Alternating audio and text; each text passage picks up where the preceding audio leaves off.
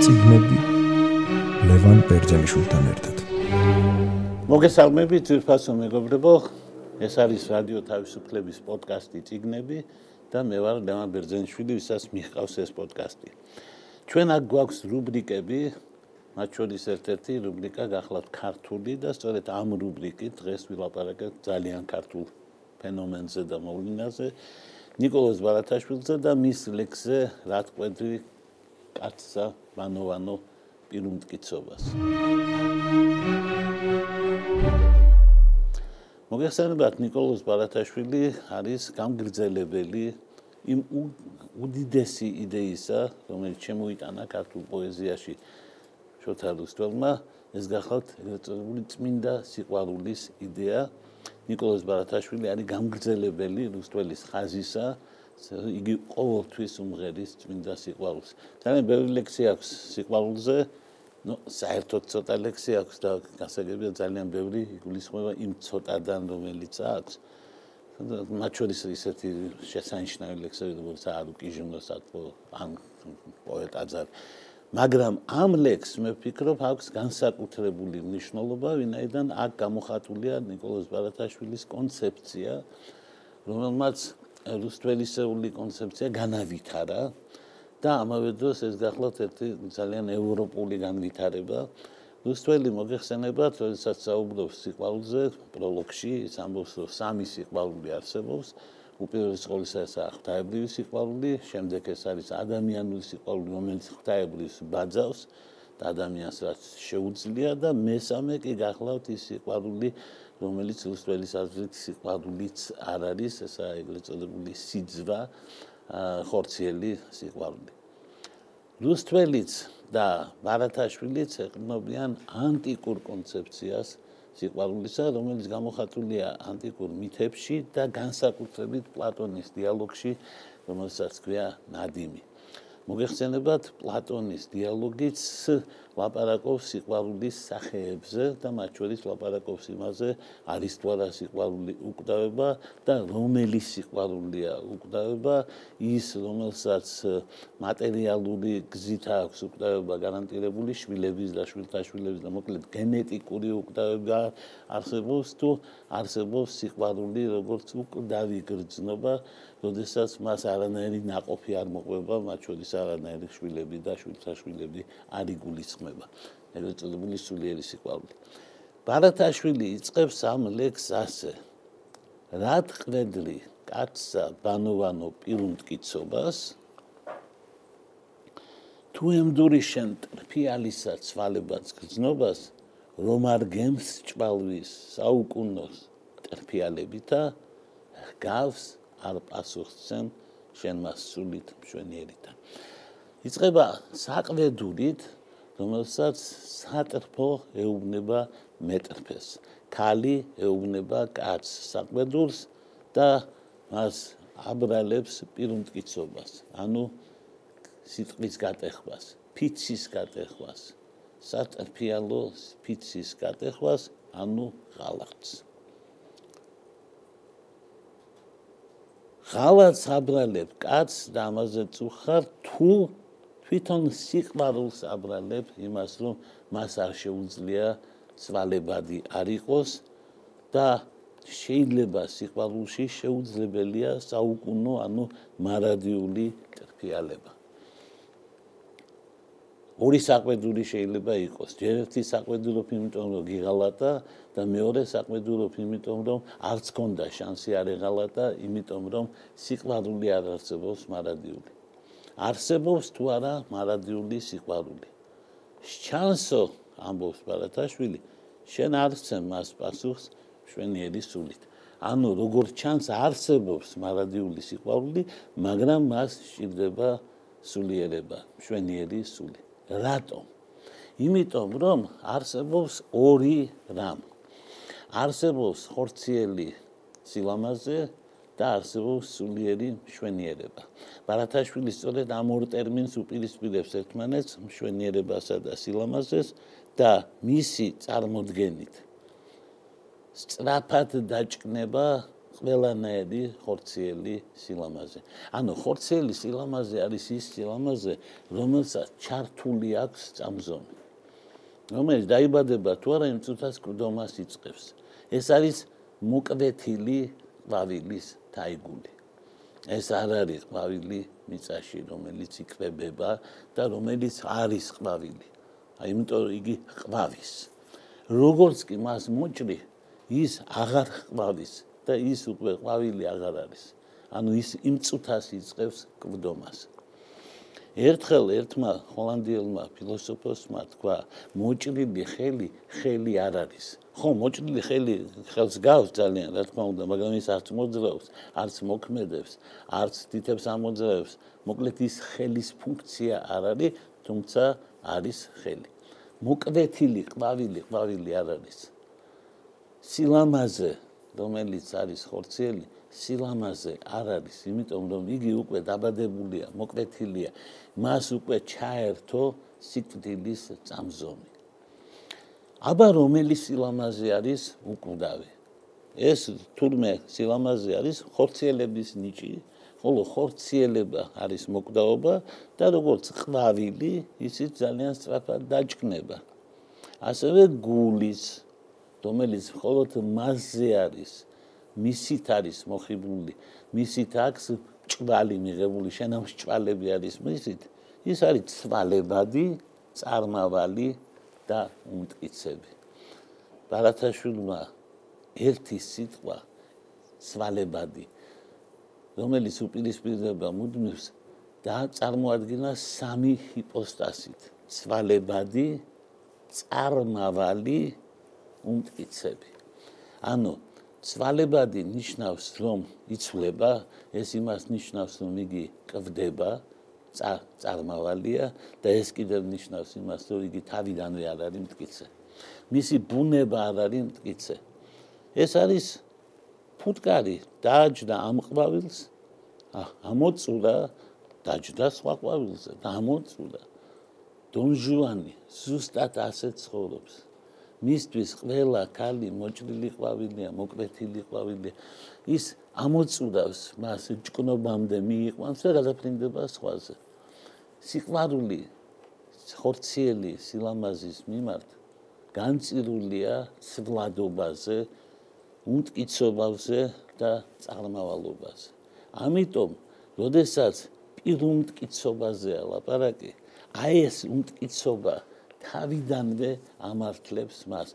მოკლედ, როდესაც ბარათაშვილი ლაპარაკობს იმაზე, რომ ქალი კაცს აყვედურს ეუბნება, ის დგას კაცის მხარეს და ის იცავს კაცს, იმიტომ რომ ყველანაირი ხორციელი სიყვარული იქნება წარმავალი და არამტკიცე. ყველანაირ ხორციელ სიყვარულს ემუქრება ღალატი. შვენიერება სხვა რამ არის. შვენიერება არის ნათელი, რომელიც ციდან მოდის, რომელიც ნათდება ყოვლიგზნობა გული და სული და კაცთა შორის. ვით კერძო საფრთაებობისა ანუ ადამიანებს შორის ეს სიყვარული არის ღვთაებრიობის ნაწილი. ადამიანში არის ორი არსება. ის არის მხეცი და ის ამავე დროს არის ღმერთი. ღმერთი არის მორალი მასში, ღმერთი არის უკვდავება მასში, ხოლო რაც შეეხება ხორციელებას, ხორციელება წარმავალია. ღვთაებრიობა არის ზუსტად ის, ასაც არისტოტელე ამბობდა, რომ ანთროპოს ზონ პოლიტიკონ ესტი. ადამიანი პოლიტიკური ცხოველია. პოლიტიკურობა, ანუ მოქალაქეობა ანუ ქალაქელობა არის ღვთაებრიობა მასში, ხოლო ხორცი არის ცხოველობა მასში. ჩვენ ვძინავს, გვეშინია, წყურია, ვიღლებით და ასე შემდეგ, როგორც ცხოველები. ხოლო ჩვენ საჩუქარს ვაძლევთ. სიყვარულს უცხადებთ, როგორც ღმერთები. ადამიანში ეს ორი ჰიპოსტასი, სული და ხორცი მარადიულად განსაზღვრავს იმას, თუ როგორ უყვარს მას. ძეხვი არ შეიძლება ღვთაებრივად გიყვარდეს, მაგრამ ქალი შეიძლება გიყვარდეს როგორც ღვთაები, მაგრამ უნდა გახსოვდეს, რომ იგი გიყვარს როგორც ძეხვი, ან როგორც ხორცი. და სხვა სიყვარულიც არსებობს, ამბობს ბარათაშვილი. რუსტველმა თქვა რომ დიახ არის სხვა სიყვარული რომელიც ღვთაებრივ სიყვარულს ბაძავს აქ ჩვენ რა თქმა უნდა გვაქვს ანტიკური კონცეფცია წარმოქმნილი რა არის ანტიკური კონცეფცია სიყვარულისა ძალიან მარტივად არსებობს ორი აფროდიტე არსებობს ორი ეროსი არსებობს ორი ორნაირი სიყვარული რატო იმიტომ რომ თვითონ აფროდიტე მითოსული არსება არსებობს ორნაირად პირველი როდესაც ურანოსისა და გეას თანაცხოვრებიდან წარმოიშვა უამრავი დაებრივი და ძლიერი ღმერთი. მაგრამ ვინაიდან ურანოსმა ესენი სულ ყველა გეას მიანდო და გეა დამძიმდა შვილებით. გეამ დაიბადა უკანასკნელი შვილი, ყველაზე უმცროსი კრონოსი, მომავალში ზევსის мама და უთხრა კრონოს გააჩერე მამაშენი, იმიტომ რომ მე უკვე აღარ შემიძლია ამდენი შვილის გაჩენა და მე მათი ტარება. და კრონოსმა ეს გააკეთა. მან აიღო ოქროს ნამგალი და მამას ურანოს მოჰკვეთა ის ორგანო რომლითაც იგი ანაყოფიერებდა დედამიწას ამ ღთაებრივ კორწინებაში, კოსმიურ კორწინებაში, ზეცისა და მიწის კორწინებაში. თაიბლის და კოსმოსს მას უწოდებს მირჩეელიადე, რომელიც ამოსა ეს არის პირველი მთავარი კორწინება. და ეს ძალა, ეს ენერგია, ეს ასე ვთქვათ, მუდმივობა წაართვა მან ღმერთს, მამას. როდესაც მან მოკვეთა ეს ასო ოქროს ნამგლით, სამი წვეთი დაეცა მიწაზე და იქიდან სამი ერინისი დაიბადა, ანუ დაიბადა სისხლის ნათესაობრივი მოკვლელობისთვის და დანაშაულისთვის შულის მაგები ქალღმერთები. მაგრამ ამავე დროს კრონოსმა ეს ნაწილი მამისის შეულობის შეულისა ანუ ეს კერძო ღვთაებობისა მოისროლა და იგი დაეცა ძალიან შორს კვიპროსის מחლობლად, ამიტომ დაერქმევა მომავალში ადამიან იმ ღმერთს რომელიც ამ მოსლულის შედეგად გაჩნდება კიპროგენეა ანუ კვიპროს შობილი ანუ უბრალოდ პირდაპირ კიპრისი. კიპრისი ანუ კვიპროსელი ქალღმერთი. ეს ასო ჩავარდა ზღვაში კვიპროსის מחლობლად და მასში დარჩენილი იყო უკანასკნელი წვეთი ღვთაებრივი ناყოფიერებისა, რომელმაც გაანაყოფიერა ზღვა და ამ ზღვის განაყოფიერებისგან წარმოიშვა კაფი და კაფიდან გამოვიდა სილამაზისა და სიყვარულის ქალღმერთი აფროდიტე. მაგრამ ამავე დროს ზევსი ცოლად მოიყვანს დიონეს და ის ხალი გააჩენს აფროდიტეს. და ახლა ჩვენ გვაქვს კითხვა ანტიკურ ავტორებთან მითოსის შემოქმედებთან როგორ არის აფროდიტე ერთდროულად ორი ქალი ერთი რომელიც წარმოიშვა ზღვის კაფიდან და ურანოსის ენერგიის ნაწილია კერძოა ურანოსისა და არის ამიტომ აფროდიტე ურანია ციური სეციური აფროდიტე ხოლო მეორე გახლავთ დიონესა და ზევსის ასული და იგი არის ასე ვთქვათ სულ სხვა არსება აფროდიტე პანდემოს საერთო სახალხო აფროდიტე. საერთო სახალხო აფროდიტე ხორცელი სიყვარულია. ეს სექსია. ეს სიძვა თუსტელის წარმოდგენით. ეს არის სიყვარულის აუცილებელი შემადგენელი ნაწილი თანამედროვე ადამიანის წარმოდგენით. ამავე დროს არსებობს აფროდიტე ურანია. ერთი ზევსის მამი და ხოლო მეორე ზევსის შვილია და ეს ორი არის ერთი და იგივე. მოდი შევხედოთ, როგორ შეიძლება ორი იყოს ერთი.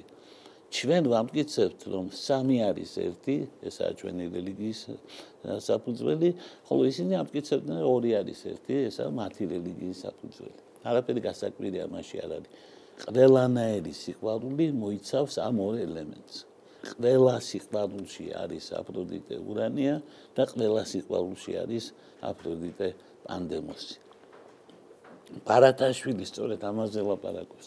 ის ლაპარაკობს, რომ პანდემოს აპროექტი წარმავალია. იმიტომ ის თავიდანვე მოკვდავი გზნობა.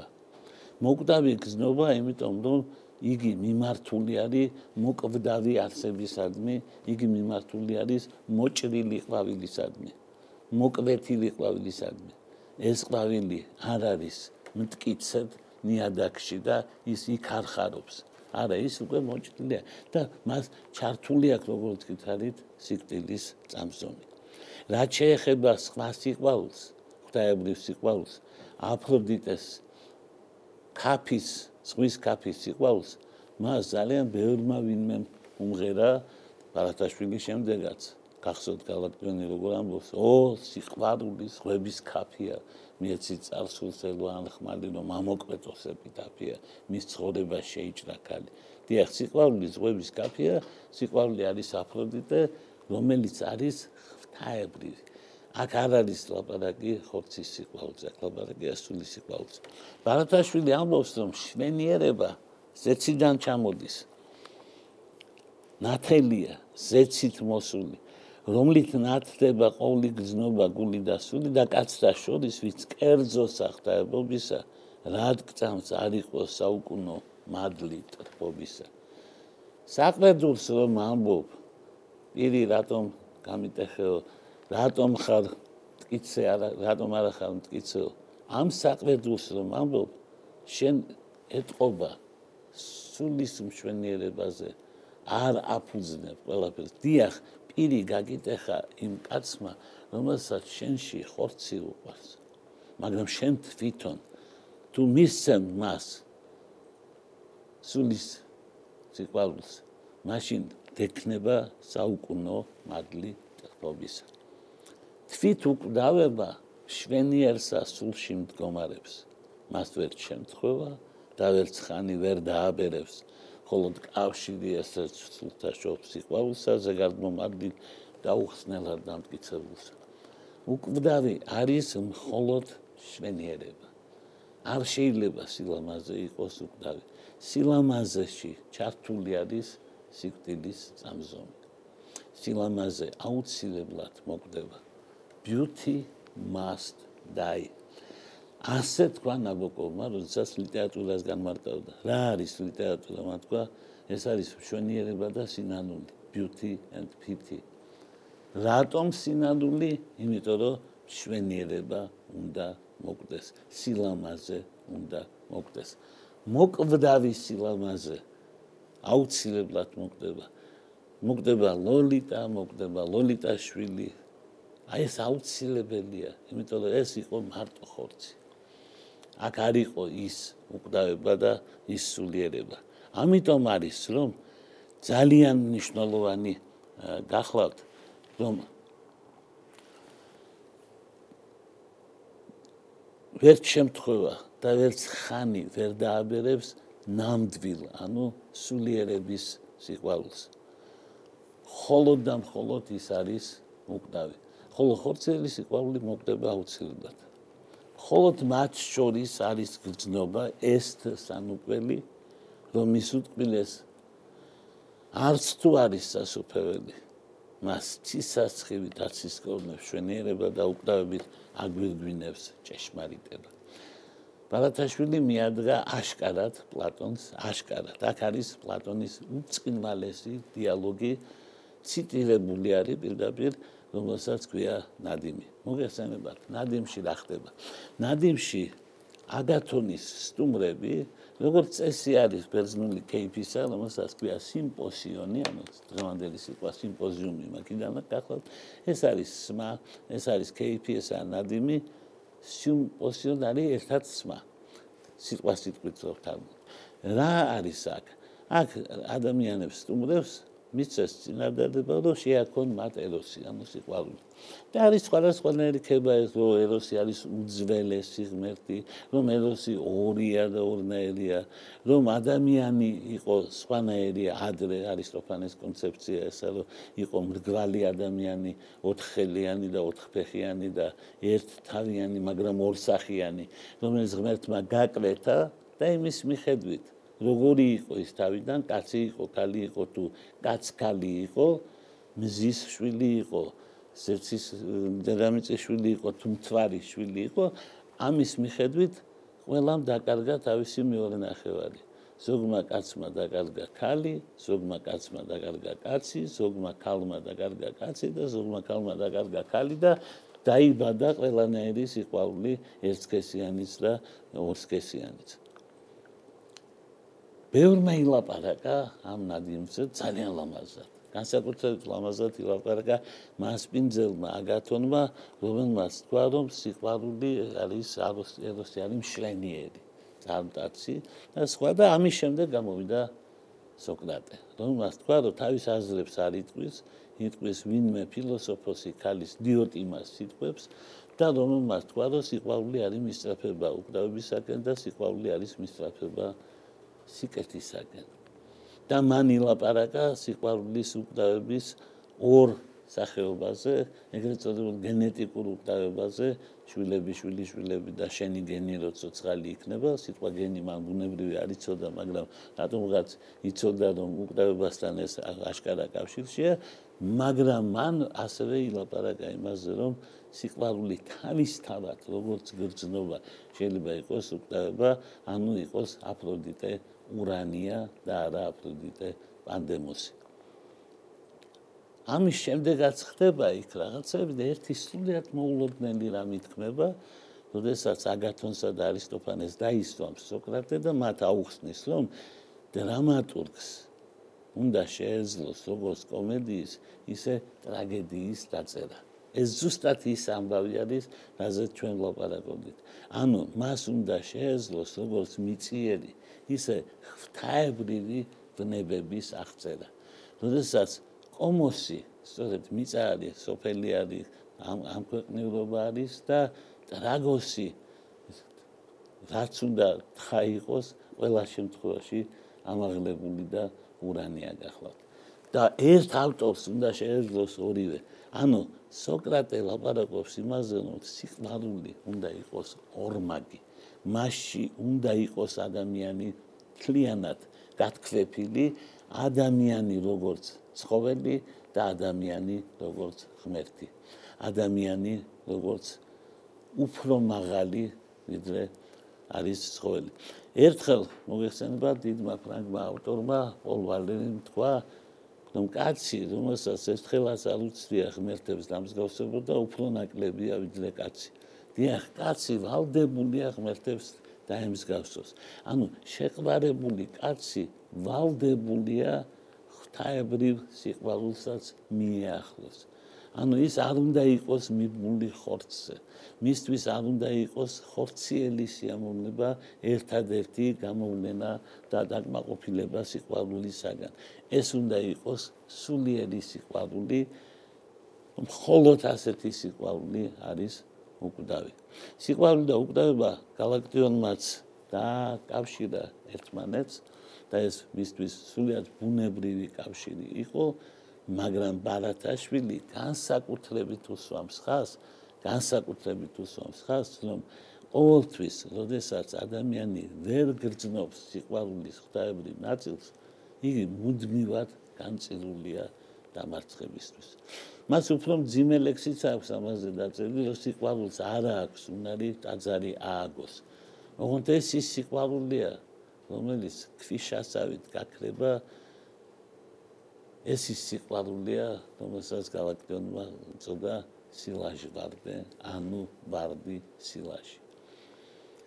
მე ვიცი, რომ საქართველოში მოიძებნა ხალხი, ვისაც არ მოეწონა galaktionის პოეზია ზოგადად და განსაკუთრებით აი ეს ფორმები სილაჟვარდე და სხვა იქ ჩაითვალა რომ ეს რაღაცა ეკვილიბრისტიკა რაღაც თამაში არის. ბარათაშვილთან იყო საყვედური და ბარათაშვილთანაც იყო საყვედური სწორედ ამის გამო. რას უმღერის ბარათაშვილი უმღერის სეციურ სიყვარულს ბარათაშვილი უმღერის წმინდა სიყვარულს ბარათაშვილი არის რუსთაველი დღეს ანუ სიყვარულის კონცეფციაში ბარათაშვილიც, რუსთაველიც და შემდგომში galaktionიც უმღერებენ წმინდა სიყვარულს, ღვთაებრივ სიყვარულს, ამაღლებულ სიყვარულს, სულიერ სიყვარულს და ისინი არ ამბობენ, რომ რამენაირი სხვა სიყვარული სიმღერის ღირსია. არადა პოეზია, სოფლიო პოეზია, სავსეა, სავსეა ამით ნიკოლოზ ბარათაშვილი სულიერების მოყვარულია. იქაც კი ჩანს რომ სადაც იგი ხორცს ეხება როგორ ეხება ამ ხორციცით როგორც პოეტი ისე ეხება როგორც საყურე ეხება ყურს. ამიტომ აქვს ლექსი ყურზე კი არა საყურეს.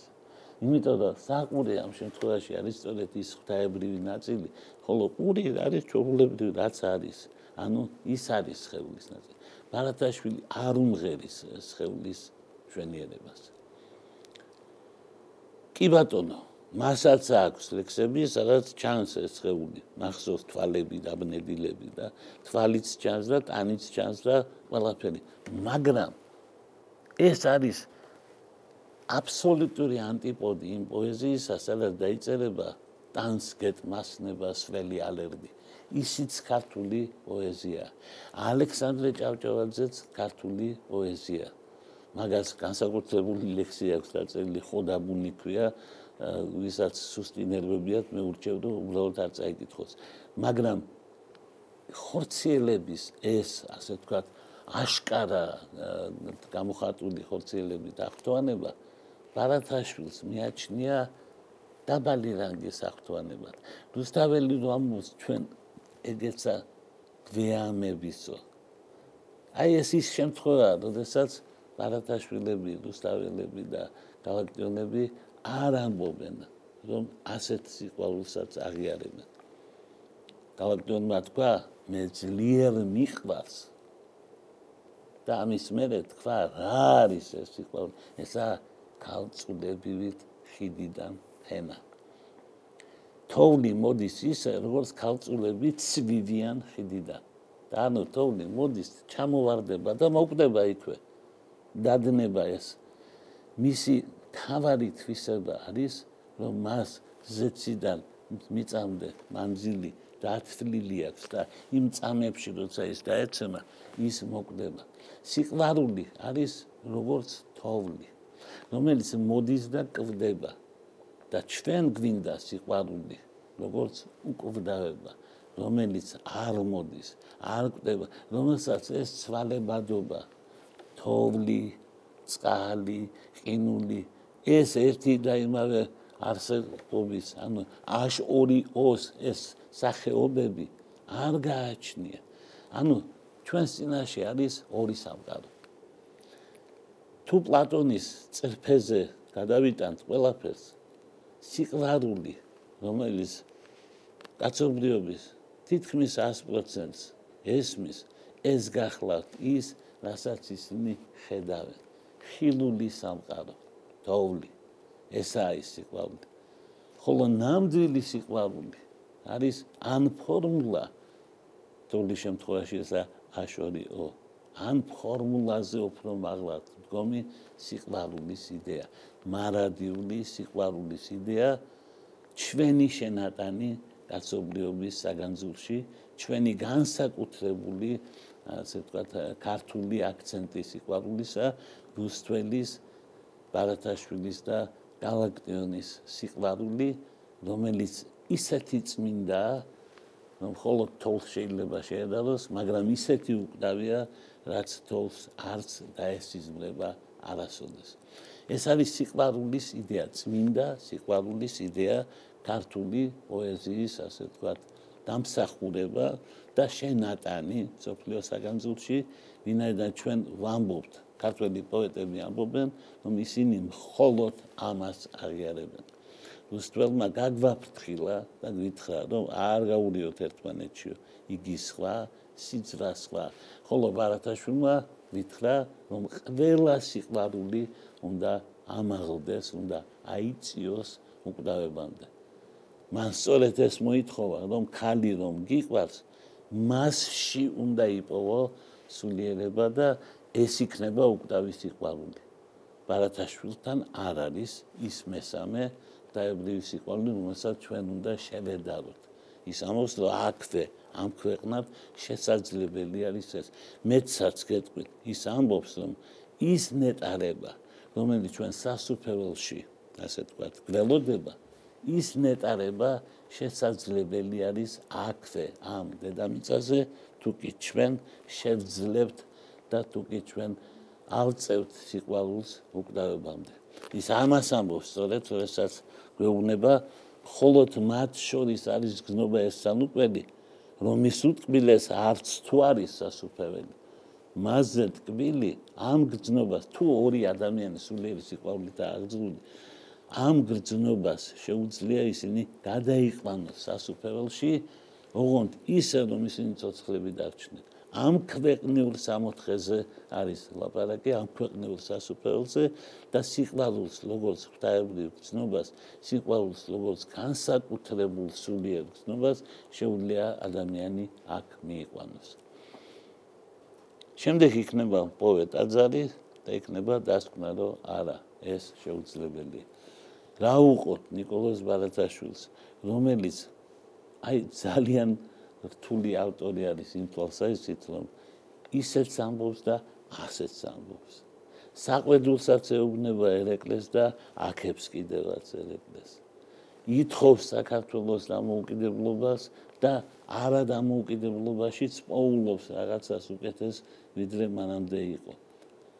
ამბობს რომ უკრავება მხოლოდ ასეთ სიყვარულშია მაგრამ ვერ გაურბის ხორცის მშვენიერებასა და ხორცის ასეთი რთული პოეტი გვახარ. შეიძლება ამის გამო არის, რომ იგი ზოგიერთებს არ უყვართ, მაგრამ ერთი რამ მინდა გითხრათ. ჩვენ გვაქვს ნიშანი ჩვენი უკდავებისა.